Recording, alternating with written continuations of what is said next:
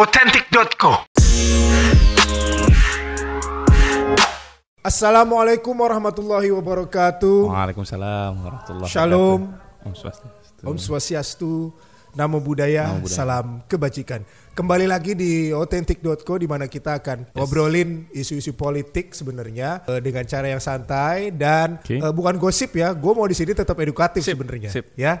Sip. Itu ada suara siapa ya? Anak sip kucing. sip tadi ya. Oke, teman-teman sekalian, hari ini menarik kita akan membahas satu tema yang tiba-tiba muncul lagi di Indonesia sebenarnya ini terjadi dari zaman bahela ya, dari zaman Orde Baru juga udah terjadi gitu loh. Tapi karena beberapa hari ke belakang ini ada satu kejadian lagi, maka kita akan membahas ini. Apa itu kejadiannya? Oke, gua akan bacakan sebuah highlight berita. Nama putra sulung Presiden Jokowi, Gibran Raka Buming Raka, muncul dalam survei calon wali kota Solo periode 2020-2025. Bahkan tingkat popularitas nama pemilik catering Cili Pari bersaing ketat dengan wakil wali kota Solo Ahmad Purnomo. Survei untuk menjaring nama calon wali kota dalam bursa Pilkada Solo 2020 dilakukan oleh Lab Kebijakan Publik Universitas Slamet Riyadi Solo. Seperti diketahui, wali kota Solo yang sekarang, Bapak FX Hadi Rudiatmo telah dua periode menjabat sehingga tidak bisa maju lagi dalam Pilkada mendatang. Ketua Lab Kebijakan Publik Yunisri Solo, Suwardi mengatakan dalam survei tersebut tingkat popularitas Gibran Raka Buming Raka dan Wakil Wali Kota Solo Ahmad Purnomo sangat tinggi dengan persentase masing-masing 90%. Setelah itu disusul Kaisang Pangarep yang persentase popularitasnya 86% dan Ketua DPRD Solo Teguh Prakosa sebanyak 49%. Menarik dan lo udah tahu hari ini kita Yes. mau bahas apa? Hari ini kita mau bahas tentang politik dinasti. Oke, biasanya gue sendiri di sini, tapi hari ini gue akan ngajak pelaku. Duh, tertuduh Iya. banget kayaknya. Pelaku. Kita di sini bersama salah satu pelaku Culprit. politik dinasti di Indonesia. Siapa dia? Mungkin Anda belum kenal karena dia juga belum terkenal. dia baru ada, membangun nggak karir ada. politiknya ada. seperti saya, Bagus Adi Saputra yang baru membangun karir kepenyiaran saya. Oke, hari ini kita telah bersama salah satu anak pejabat yang nggak sombong bernama Hobab Heriawan. Nah, mungkin lo bertanya-tanya siapa Hobab itu, tapi ketika dia pakai nama Heriawan di belakangnya, mungkin lo sudah bisa melacak anak siapa ini. Kalau lo tahu Jawa Barat dalam masa keemasannya, dua periode dipimpin oleh seorang pemimpin yang sangat bagus bernama Bapak Heriawan. Nah, hari ini bersama nama bokap Ahmad Heriawan. Hari ini kita bersama anaknya. Anaknya ini sudah mulai menjajaki dunia politik juga, di mana Hobab yang lahir tanggal 3 Maret. 3 Maret 1992. Kemarin beliau sudah mencoba untuk maju dalam Pemilu pemilu legislatif, yes. DPRD Cirebon, tapi memang belum lolos karena beliau Belum juga lolos. masih belum mau sebenarnya. Oh, iya. Asumsi, asumsi. Nah, ini adalah salah satu pelaku politik di dinasti di Indonesia. Selamat sore, Bab. Selamat sore, Mas Bagus. Apa Terima kabar? kasih udah hadir di authentic.co. Udah sholat asar. Alhamdulillah sudah. Oke. Jadi gini, hari ini kita mau bahas tentang politik dinasti sebenarnya. Sebenarnya pertanyaan besar gue adalah tiga. Apa tuh? Apa politik dinasti? Kemudian mengapa dia terjadi dan bagaimana sebenarnya dia dijalankan di Indonesia? Yes. Oke, siap bab. Di sini gue akan belak-belakan. Sorry Insya banget. Pertama, so gue mau tanya, The Heriawans, apakah sedang membangun dinasti politik? Kalau eh, membangun dinasti politik dalam hal sempit gitu ya, cuma mempertahankan kekuasaan gitu dalam lingkaran-lingkaran terkecilnya gitu. Gue rasa sih nggak semudah itu. Gitu. Tapi yang jelas yang kita bangun adalah bagaimana ekspertis politik yang sudah ada di satu generasi gitu ya, bisa kemudian dilanjutkan juga oleh generasi selanjutnya. Walaupun misalkan belum tentu mau gitu ya. Tapi yang jelas ekspertis politik itu punya tempat untuk dilanjutkan gitu loh. Jadi kalau misalkan ditanya di Heriawan membangun dinasti politik, gue rasa in a sense yang sempit enggak gitu ya. Oke. Tapi bahwasanya dalam masa jabatan Pak Ahmad Heriawan yang 10 tahun itu bahkan sebelumnya sempat juga jadi anggota DPRD DKI Jakarta gitu ya.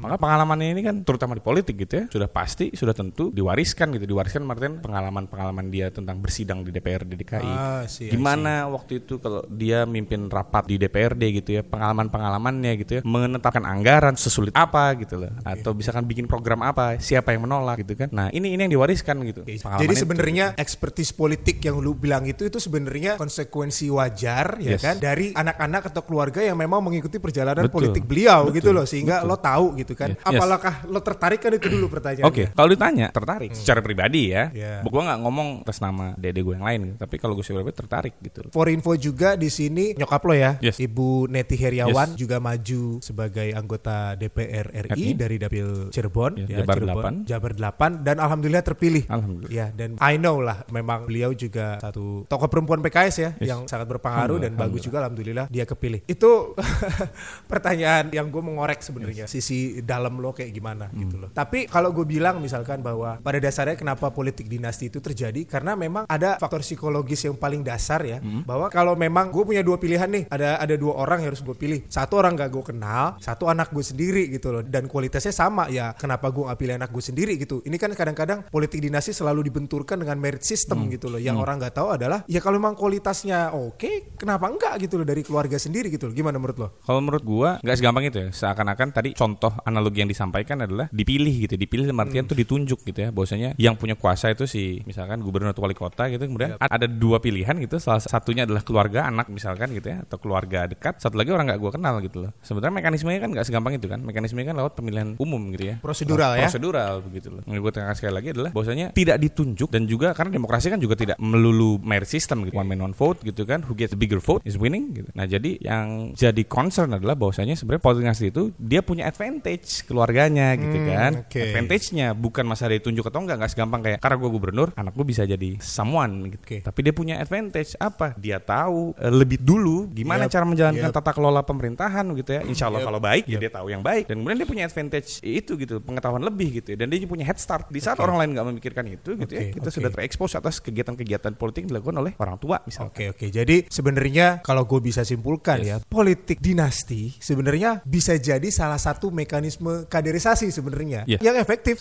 Iya kan? Karena daripada misalkan lo nyari calon yang let's say artis yang Oke. nggak tahu apa-apa tentang politik, nggak tahu bagaimana pemerintahan dijalankan, terus lo masukin ke dalam partai, kenapa nggak misalkan dari keluarga gue yang memang mengikuti gue dari lama, bukan aji mumpung ya, tapi memang mereka sudah lo bilang tadi punya head start itu gitu kan? Dia sebagai salah satu mekanisme kaderisasi. Betul. Memang faktor yang tidak dilupakan adalah orang itu kan maju ditentukan bisa cuma by sistem lu maju lewat partai nggak sih? Iya. Bukan karena lu keluarga siapa lu langsung jadi gitu. Kadangkala dalam membahas politik dinasti yang nggak dibahas adalah peran partainya. gitu. Ah, Peran partainya betul dia. dong. Kan orang per orang ini kan sangat remeh lah kalau kita hanya Iya, melihat iya, politik iya, dinasti iya, dari iya. orang gitu loh. Terus oke. partainya kan gitu. Apakah kemudian partainya ya sebagai sebuah saluran politik yang resmi di sebuah negara juga menginginkan, juga menginginkan atau mengendorse sebenarnya. mengendorse kan gitu atau bahkan membantu kalau misalkan memang anaknya punya head start punya potensi bagus sebelum maju ke mana pun partai yang harus mengelola kan gitu kan Di- Talent scout sebenarnya ya. betul Iya, jadi nggak iya, serta, iya, serta merta dengan catatan kalau mekanismenya berjalan Oke. dan baik gitu mekanismenya kan gitu Oke. sementara yang kita lihat adalah mekanisme-mekanisme yang tidak baik gitu uncontrolled gitu bahkan partai-partai sendiri nggak bisa mengontrol kelakuan individu-individu yang bernaung di dalamnya Oke oke. Kan Jadi gitu. Hmm. jadi sebenarnya gue mau luruskan. Jadi kayak kita harus tahu juga nih teman-teman bahwa dalam politik itu aktor tuh banyak banget. Iya. Jangan pikir aktor tuh cuma si gubernurnya atau presidennya yang dia menguasai semuanya. Hmm. Betul. Enggak. Dalam politik itu aktornya itu ada perorangan. Ada juga sebenarnya tadi yang Hobab sebut partai yang sebenarnya itu justru sangat berpengaruh juga. Bisa jadi misalkan si gubernurnya sendiri nggak mau nih anaknya. Oh, Betul. lo jangan deh nanti nanti nama gua orang akan ngira apa segala macam. Tapi kemudian partainya yang bikin Nah. itu seolah-olah apa ini bagus nih prospeknya apa segala macam. Jadi dia akhirnya dimajukan. Sebenarnya pengaruh partai itu juga sangat besar ya Betul, politik betul, dinasti betul. itu sendiri ya. bisa jadi dari niatnya bisa juga dari pengelolaannya misalkan gini karena gue bernaung di partai PKS gitu ya dan mungkin dalam hal-hal yang gue sebut nanti itu akan ada biasnya tapi yang jelas yang gue lihat adalah dalam partai yang gue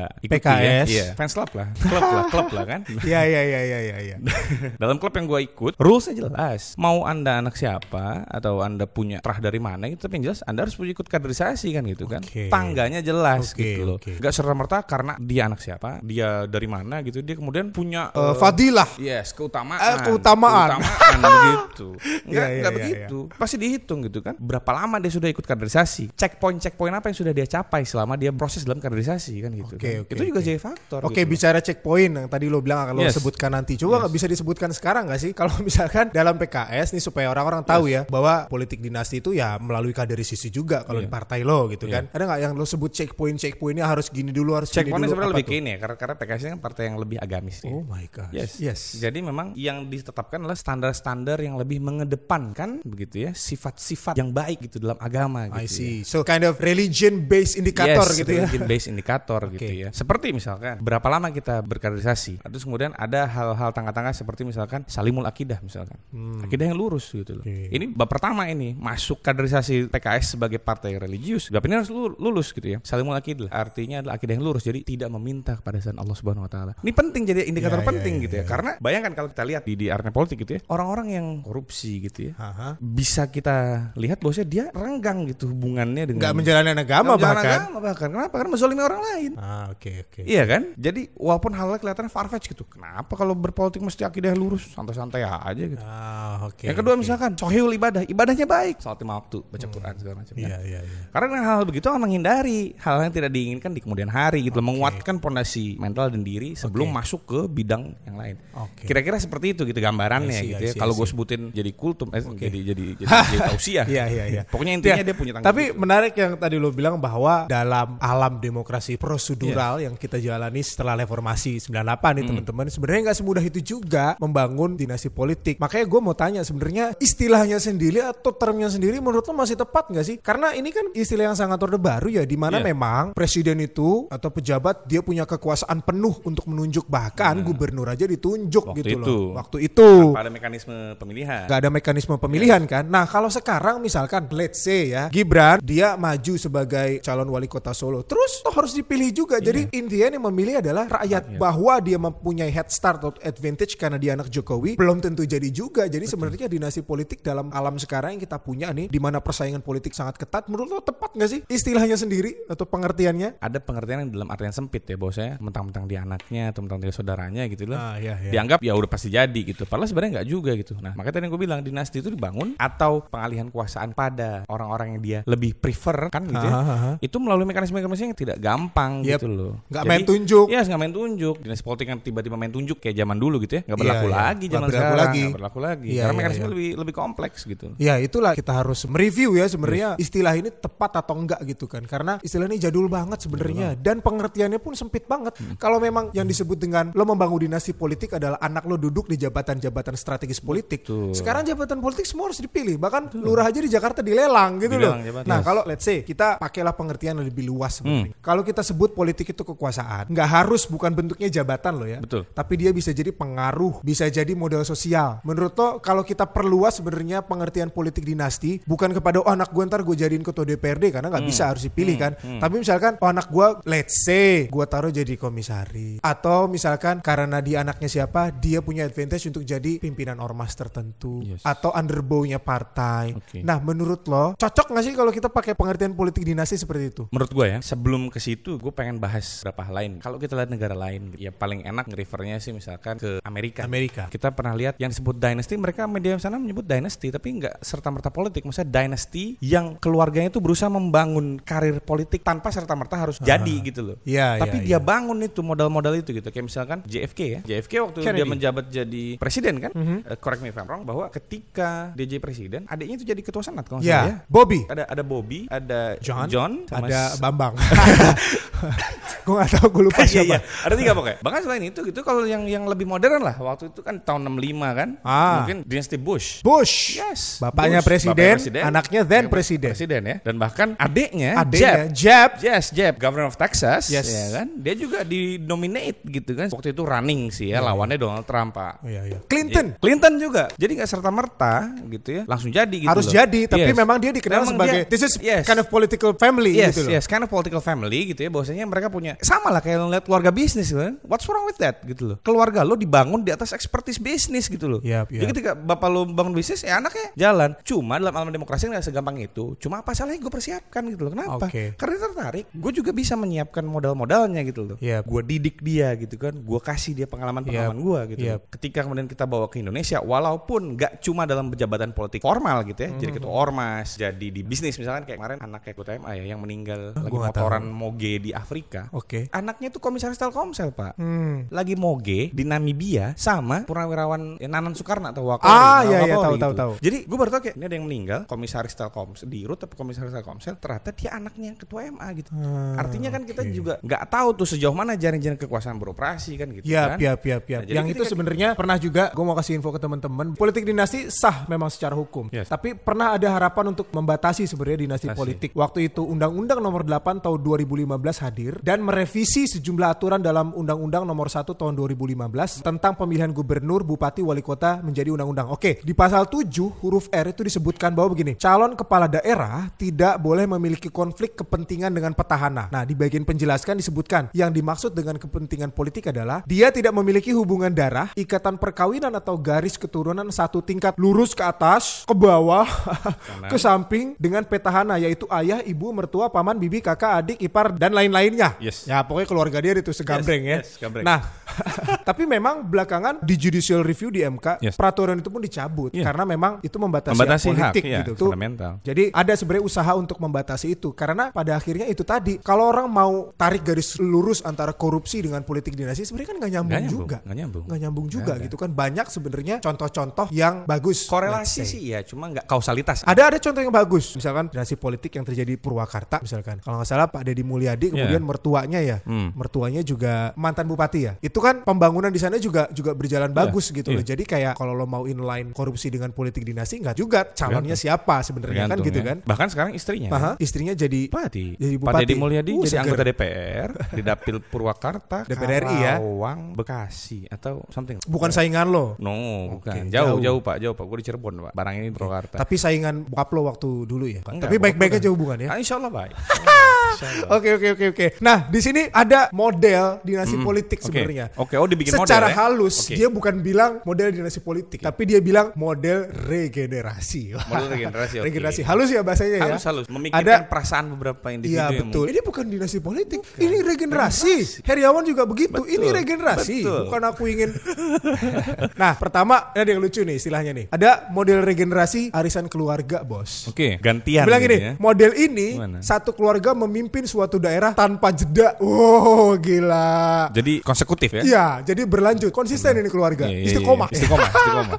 ya kan jadi abis bapaknya selesai, ibunya, abis ibu selesai, anaknya, cicitnya, ntar tetangganya, ntar temennya SD-nya, temen SMP. Wah seru deh. Nah yang kedua ada model lintas kamar dengan Lintas cabang kamar. kekuasaan. Nah ini pengertiannya gini. Misalnya nih, sang kakak menjadi bupati. Hmm. Nah terus adanya jadi ketua DPRD. Yes. Anggota keluarga lainnya memegang posisi strategis seperti kepala dinas dan lain-lain. Jadi dia dalam satu periode itu dia bercabang tuh. Oh, kepala dinas ya? Iya, bisa Artinya udah pernah jadi PNS gitu ya. Iya, kan bisa juga kali Pak Yes, diatur-atur namanya bisa. juga bupati, Iya. Kan tidak tinggal, tinggal Nah, itulah, itulah, itulah. Nah, iya jadi itu dia jadi dalam satu periode dia bercabang tuh sampai ke bawah. Mirip dengan filosofi pohon beringin sebenarnya kan. Pohon beringin, Ini iya. akarnya tuh sampai kuat Iya, ke bawah. gitu. Makanya biasanya yang begini-gini dari partai yang gambarnya beringin. kuat tuh orang tuh. Bener. Nah, terus yang ketiga, model politik lintas daerah. Ini sebenarnya sangat nusantarais ini. Nusantarais. Jadi dia itu nggak mau keluarganya cuma di satu daerah. Jadi dia bilang ke istrinya, "Udahlah, aku yang di daerah sini. Oh. Kamu jangan di sini bupatinya. Oh, iya, iya, iya, Di iya. sana.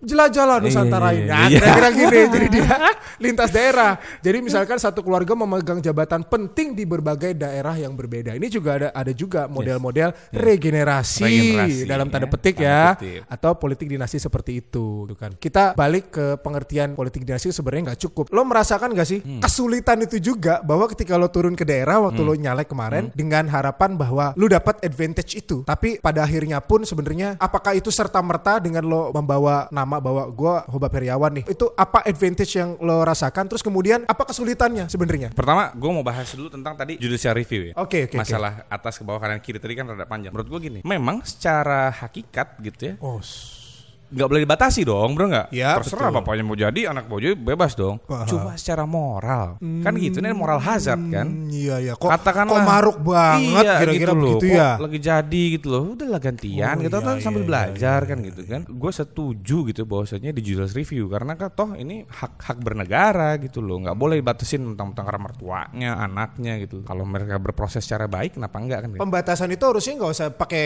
undang-undang lah. Betul. Itu di keluarga aja omongin baik-baik kan bisa gitu. jadi tapi yang jelas adalah bahwa nggak semua orang punya perspektif yang sama misalkan kayak gue gitu eh, kemarin gitu ya yang lu tanya tadi ya advantage yang gue Yep, punya yep, gitu ya yep, sebenarnya yep. not so much as an advantage karena pertama itu bukan basis Kalau oh, masuk kandang orang lain. Yes, itu satu.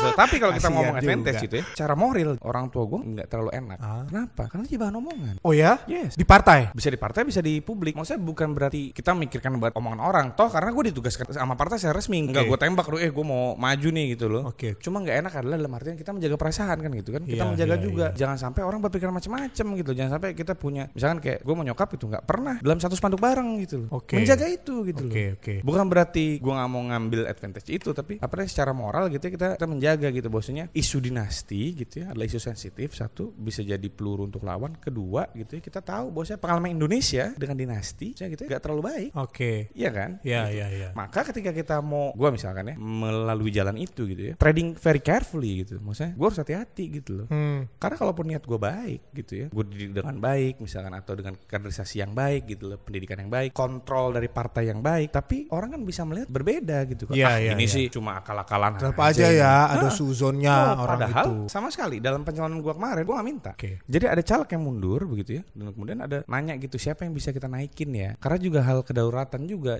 pas kemarin 2019 gitu Oke. ya. Jadi siapa yang bisa maju gitu? Dan gua sama sekali nggak naruh nama, dicari gitu. Siapa yang bisa nemenin? Kebetulan pak, kebetulan ini kan juga dalam salah satu, salah satu strategi partai kan Hmm. untuk mendulang suara. Si ibu nyokap nyalek di situ DPR RI kan gitu. Oke. Sekalian aja lah. tuh, Iya, iya, DPRD gitu loh. Toh sambil belajar gitu dan dia kita sambil membantu partai gitu loh. Oke. Ya, jadi memang kalau kita gunakan istilah politik dinasti atau dinasti politik itu kan wah kayak kita tuh masih kerajaan Bener. gitu kan. Sebenarnya kan intinya kalau kita bisa sebut political dynasty by definition itu kan sebenarnya dinasti politik kekuasaan politik yang dijalankan atau diturunkan dalam suatu kelompok yang masih terikat kekeluargaan. Jadi sebenarnya kan intinya kan keluarga gitu kan. Dan memang di Indonesia ikatan keluarga tuh luar biasa kuat Kental. gitu kan kental banget jadi memang kadang-kadang politik kekeluargaan itu atau politik keluarga politik keluarga tuh. politik keluarga Politik politik keluarga itu memang istilah yang ada satu antropolog Jepang Hmm. Shiraishi Shiraishi, oke. Sas- saya Sasaki Saya, Shiraishi saya. wah buku zaman kuliah tuh saya, Saya Shiraishi. Shiraishi sama Adik istrinya anaknya Takeshi. Eh, istrinya Takeshi. I- istrinya Takeshi. Istrinya Takeshi. bukan benteng Takeshi ya, ini Bukan. penulis. No, no, no, sorry, sorry. Nah, sorry. dia memang menggunakan istilah politik keluarga Politik dalam keluarga. Orde Baru karena memang itu mempengaruhi banyak hal sih Yes. sampai hari ini Yes. kita bisa lihat politik keluarga atau Hmm. kekeluargaan di Indonesia dari bagaimana meja parlemen kita disusun, kursi parlemen. Oke. Kalau di Inggris kan jelas tuh konfrontatif. ya konfrontatif berhadapan Buruh, diametral kan gitu kan. Guru sama konservatif, Konservatif, yes. ngadu ya. Kalau kita kan enggak, dia nyamping, Iya. grouping. Jadi meskipun ya gue misalkan posisi dari partai lo, gue tetap bisa menggandeng lo dari sini. Gitu. Jadi Iya, nyamping iya, gitu. iya. Jadi kita memang tetap bersama. Ah, Kira-kira itu kan menggambarkan banget bahwa di Indonesia itu memang politik keluargaan itu sangat Eksis gitu. Iya sangat, eksis Bagian dari kultur Gue kira sih bagian dari kultur Contoh kasus di luar negeri Banyak sebenarnya kan Kita bisa lihat tadi Contoh di Amerika Yes. Ada keluarga The Adams Ada Oke. keluarga Harrison Roosevelt Oke. Bush Bahkan sekarang Trump mencoba kan Untuk membangun dinasti politiknya Nah, sendiri lu kalau mau lihat dinasti politik yang rada-rada Trump. silakan lihat. Lu bisa bayangkan kalau Donald Trump yang begitu jadi presiden, kemudian anaknya Ivanka suruh naik atau menantunya. Jadi kayak gimana? Iya, gitu iya, kan? iya. Semoga kita terhindar dari itu? Ya. Di Kanada Justin Trudeau Oh, masa? Perdana Menteri merupakan anak dari Pierre Trudeau yang juga pernah menjabat menjadi PM Kanada. Di Filipina ada Rodrigo Duterte presiden, sementara Sara Duterte itu ya? adalah wali kota Davao yang pernah mengaku bahwa dia eh, pernah gay. Itu gokil Siapa? si presiden itu. Itu presiden Rodrigo? Filipina itu. Yang nembak pengedar Ya narkoba itu, itu kan? gokil itu presiden yang gua gak ngerti ya ya gitulah pokoknya jadi ada kasus di luar negeri kita kalau punya benchmark Amerika yang mereka memang ya tadi gue bilang politik dinasti itu justru menjadi salah satu mekanisme kaderisasi yang Yes. efektif gitu kan. Tapi di Indonesia kenapa? Kita banyak dikecewakan. That's why dinasti politik punya stigma yang jelek banget. Contoh ini jujur-jujuran aja ya. Iya. Banten. Mantan gubernur Ratu Atut Khosyah menempatkan kerabatnya di pemerintahan Banten. Nah, Atut sendiri kan tersangka sejumlah kasus korupsi kan, Hmm. bersama adiknya Tuh Wawan. bagus Hairi Wardana alias Wawan. Dinasti Banten tak hanya dibangun Atut di jajaran pemerintah daerah, tapi juga antar provinsi dan lembaga legislatif. Toh nih, Hmm. anaknya Atut Andika Hazrumi menjabat sebagai anggota DPD Banten. Sekarang jadi wagub loh. Sekarang wagub. Iya wagub. Mantap.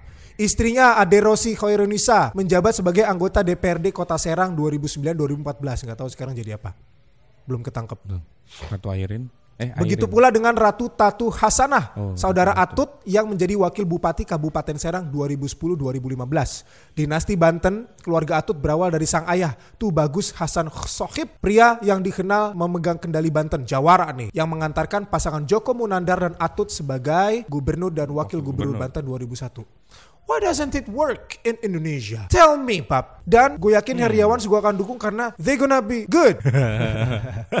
Kenapa lo bisa bilang begitu? Karena gue bisa membaca aura. Auranya asik. Auranya asik. ya? Auranya Aura asik. Dan kenapa gue dukung lo karena kalau lo macam-macam gue bisa Oh iya iya. iya. jitak lo sendiri. Oh, iya, siap, siap, kalau gue pilih siap. yang lain gue gak bisa Ah, jitak. gue gak punya itu akses buat jitak. Kalau bener-bener. pilih bab gini-gini gue jitak pala lu. Lu datang ke rumah gua, lu jitak. Oke, what doesn't it work? Kenapa nggak bekerja Yep. ya? To be honest, kita juga bingung ya. Kenapa gitu dalam yang tadi gue bilang gitu ya, bahwasanya political expertise itu kan juga bisa diturunkan, diajarkan gitu ya dalam lingkaran terdekat. Tapi kenapa kok tidak diamalkan? Kan kira-kira gitu ya. Kita punya ilmu begitu, tapi tidak diamalkan. Jangan-jangan ilmunya diajar udah salah, Pak. Ah, itu yang mau gue bilang. Nah, kan begitu. Diajarkan sih diajarkan. Betul. Tapi diajarkannya yang gak bener. Nah, itu bisa jadi. Kampret emang. diajarkannya yang salah gitu loh.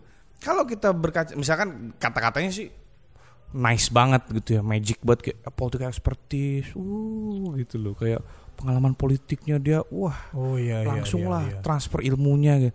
Tapi kalau salah, Pak, iya kan? Ya apa nggak diulang, Pak? Anaknya. anaknya, Betul, mer- betul. menantunya, atau sama cucunya, kan gitu ya. Itu bisa jadi tuh, walaupun kita nggak punya bukti ya. Tapi yang jelas, kalau kita mau bahas yang lebih struktur gitu, ya, yang lebih prosedural gitu, mungkin karena memang satu benchmark yang tidak jelas, artinya Nggak ada visi. nggak ada visi gitu ya, nggak ada kesiapan Yep. gitu pada keluarga itu gitu ya. Tapi udah terlanjur Ya. pernah punya pegangan kuasa terus wih Merasa ini kan, Iya Jumawa, dong. ketiban pulung ya Iya kan? kan? Lanjutin. lanjut kan gitu apalagi kalau kayak di Klaten kan ganti-gantian pak ini wakil ini bupati ini wakil eh periode ke depan istrinya yang maju Enak. eh periode depan lagi ini wakilnya Oh, maju. makin enak. lu periode depan lagi istrinya so wakil makin Eh, enak. serius Iya, Akhirnya iya, kena iya, semuanya iya. kan nah Oke, oke. itu bisa jadi satu memang dari ajaran yang nggak punya visi peradaban gitu ya. Oke. Bosnya lu punya head start begitu lu punya advantage, lu pakai buat diri lu sendiri. Iya, Nggak lu iya, pakai iya. buat kebaikan orang banyak kan gitu Yap, satu. yap. Yang kedua memang argumen yang sangat sering dijumpai ya, misalnya demokrasi kita mahal gitu kan. Hmm, ada masalah sistem ada juga masalah ya. Sistem gitu ya, check and balance tidak berjalan gitu. Semua orang everyone wants wants a piece of, Of the the cake. Jadi ya no problem lah. Oke, gitu lah, kita oke. sikat bareng-bareng. Ya, ya, gitu. ya. Jadi memang pada akhirnya orang harus sadar dulu bahwa politik itu adalah pengabdian sebenarnya. Mau lo dari keluarga kayak mau lo dari independen kalau memang lu nggak sadar itu ya pada akhirnya lo merugikan orang Betul, banyak, betul. lo memanfaatkan kekuasaan buat diri lo sendiri, betul. korupsi dan lain-lain. Jawabannya lebih kepada hal yang lebih mendasar pribadi kan gitu Yap, kan jadinya. yap. Kalau lu nyari-nyari kayaknya yang korupsi-korupsi misalkan ya, anaknya siapa? Hmm. S2 kan gitu kan, punya bisnis, udah kaya, Pak. Oke. Udah punya penghasilan kan gitu kan. Korupsi itu buat apa lagi kan gitu loh. Memang misalnya gini, kayak di partai fans club, ya, klub yang saya Oke. gabung gitu, ada keutamaan bosnya kalau mau jadi pejabat publik punya har- harta dulu. Kenapa? Oke. Karena dengan punya harta, kamu akan terhindar dari hal-hal lain gitu. Maksudnya kamu nggak tergoda gitu kira-kira. Tapi masalahnya Pak, tesis ini hancur Pak. Ah. Babar blas Pak. Misalkan ketua DPR ditangkap. Sebelum jadi ketua DPR kurang tajir apa Pak? Iya, iya, iya. Iya dong. Jadi kalau orang bilang ah saya udah kaya, saya masuk politik cuma pengabdian. Terus tiba-tiba beres Salah. politik tambah kaya. Salah itu karena perasa bahwa lo harus masuk politik lo selesai dengan diri lo sendiri itu maksudnya bukan lo harus sudah kaya tapi Hmm. Betul. lo maksudnya udah nggak ingin kekayaan lagi Nah. bahkan lo udah zuhud Nah. udah udah nggak Nah. membutuhkan materi lagi di Nah, dunia ini gitu. itu baru lo selesai sama diri lo Betul, sendiri betul, oke bab eh, karena keterbatasan waktu Oh, udah selesai. eh, emang enak Oh, ngobrol udah tuh enak enak. Banget sepakat, gitu sepakat, kan makanya dulu kita kuliah sampai 7 tahun Iya, karena iya, kan iya. kebanyakan Iya, iya, ngobrol. Gue mau eh, lo menjawab beberapa pertanyaan gue dengan cepat Yes. Oke, pertama, anak banyak atau dua anak cukup? Dua anak cukup. Tuh, berarti udah ada shifting dalam PKS ya. Oh, Hmm, Oke, koalisi oposisi. oposisi PKS di luar, PKS di dalam. di luar. Anies Mata, Fahri Hamzah. Anis mata. Oke. eh, gua kenal anaknya. Maunya eh, mau nyalek lagi apa enggak? Mau. Eh, mau jadi gubernur enggak suatu saat nanti? Mau. Oke. Aher eh, mau nyapres apa enggak? Mau. Mau. Mau. Oke. Eh, apakah mungkin PKS berkoalisi dengan PDIP suatu saat nanti? Mungkin. Oke. Eh, Prabowo. Apa? Tanggapan tentang Prabowo? Lah katanya iya enggak. Hah? Enggak harus. Gua Oh. hostnya. Oh iya iya. Tanggapan Prabowo satu kata. Kertanegara. Sandiaga Uno. Uno. Jokowi. Hah? Jokowi. Solo. Oke. Aman ya Aman anaknya ya. Kiai Haji begitu. Maruf Amin. Eh, berwibawa. Oh, Oke. Oke, terakhir. Oke. Satu pesan untuk PLN. Turun gaji lah. Bener aja dong. Masa Iya, iya, iya, mati iya. 24 jam. Iya, kita doakan semoga makin Amin. baik ya. Kemarin Pak Amin. Jokowi juga sudah marah-marah ke PLN. Nah, ini menarik, Pak. Oh, kita lanjut lagi. Oke, satu menit. Satu menit ya. Oke. Jadi coba anda bayangkan gitu ya, lebih memuaskan mana Jokowi datang ke kantor PLN, terus kemudian dia marah lalu pergi atau pas Prabowo jadi presiden kalau Prabowo jadi presiden ya PLN dipanggil ke istana negara ditimpuk pak Wah, luar biasa. Kita doakan nanti Jadi- 2024 gue dukung Pak Prabowo jadi presiden sampai dia nyalonin lawan Janetes. Oke. Oke. Terima kasih banyak Bab. Semoga Siap. eh, Sama-sama. ini gue tulus nih. Ini nggak basa-basi nih. Apa? Ya, apa semoga doanya nih lo makin teguh dalam jalan yang Amin, Masya ada Allah. sekarang. Pertingkatkan endurance karena percaya orang yang gigih itu pasti jadi. oke Ya, nggak harus jadi sekarang lo bilang tadi iya kan. benar benar Bisa kapan, bisa kapan, apa segala macam. kalau jadi itu kan nggak mesti jadi apa ya, Ya, gubernur betul. nggak jadi Betul. aja jadi. Pokoknya eh, tetap pertahankan Betul. endurance-nya. Kalau memang ini jalannya seperti gua ya menjalankan karir gua ini sebagai penyiar podcast, jangan setengah-setengah. yes sip Karena Insya Allah Insya Allah kita semua akan mengantarkan engkau ke gerbang. Asik, Supaya nanti Ramadan kalau kah engkau macem-macem kita bisa Would you be my inggit garnasi Iya, iya. Oke, terima kasih Bab Sip. atas sharingnya Siap, sore sama-sama, ini. Mas Bagus. Sukses terus. Sukses. Dan teman-teman jangan lupa kalau mau tahu mukanya Hobab ada Instagramnya @hobab. Namanya emang agak susah. kita kita ejak pakai nato ya Oke, kilo hotel oh itu apa omega nggak? Omega. omega bravo bravo alpha bravo Oke, itu dia. Lihat mukanya di situ ada istri anaknya juga. Hobab sudah punya Eh, anak. alhamdulillah. Beautiful, beautiful girl. Uh, terus bulan. kemudian jangan lupa juga di follow authentic.co di Instagram. Oke. dan kemudian uh, di subscribe ya bahasanya ya kalau di Spotify ya. Eh, podcast kita. follow follow di follow yes. podcastnya terus kemudian dengarkan kita akan ngobrol banyak hal lagi uh, politik dengan santai dan tentunya jangan santuy. dengan santuy, dan Santuy. tentunya belak belakan seperti namanya authentic. Oke? Sampai jumpa lagi di episode berikutnya. Assalamualaikum warahmatullahi wabarakatuh. Waalaikumsalam warahmatullahi wabarakatuh. udah kayak PKS belum ini? Alhamdulillah. udah sudah standar PKS ya? oke udah makasih Thank you.